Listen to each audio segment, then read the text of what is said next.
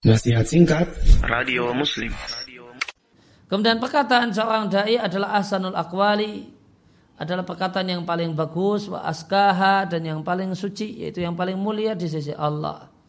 Sebagaimana firman Allah taala, "Waman asanu kaulan" dan siapakah yang lebih bagus perkataannya? Jawabannya tidak ada dibandingkan orang yang mengajak kepada Allah beramal saleh setelah itu dia tawaduk dengan mengatakan innani minal muslimin saya ini adalah bagian kecil dari kaum muslimin.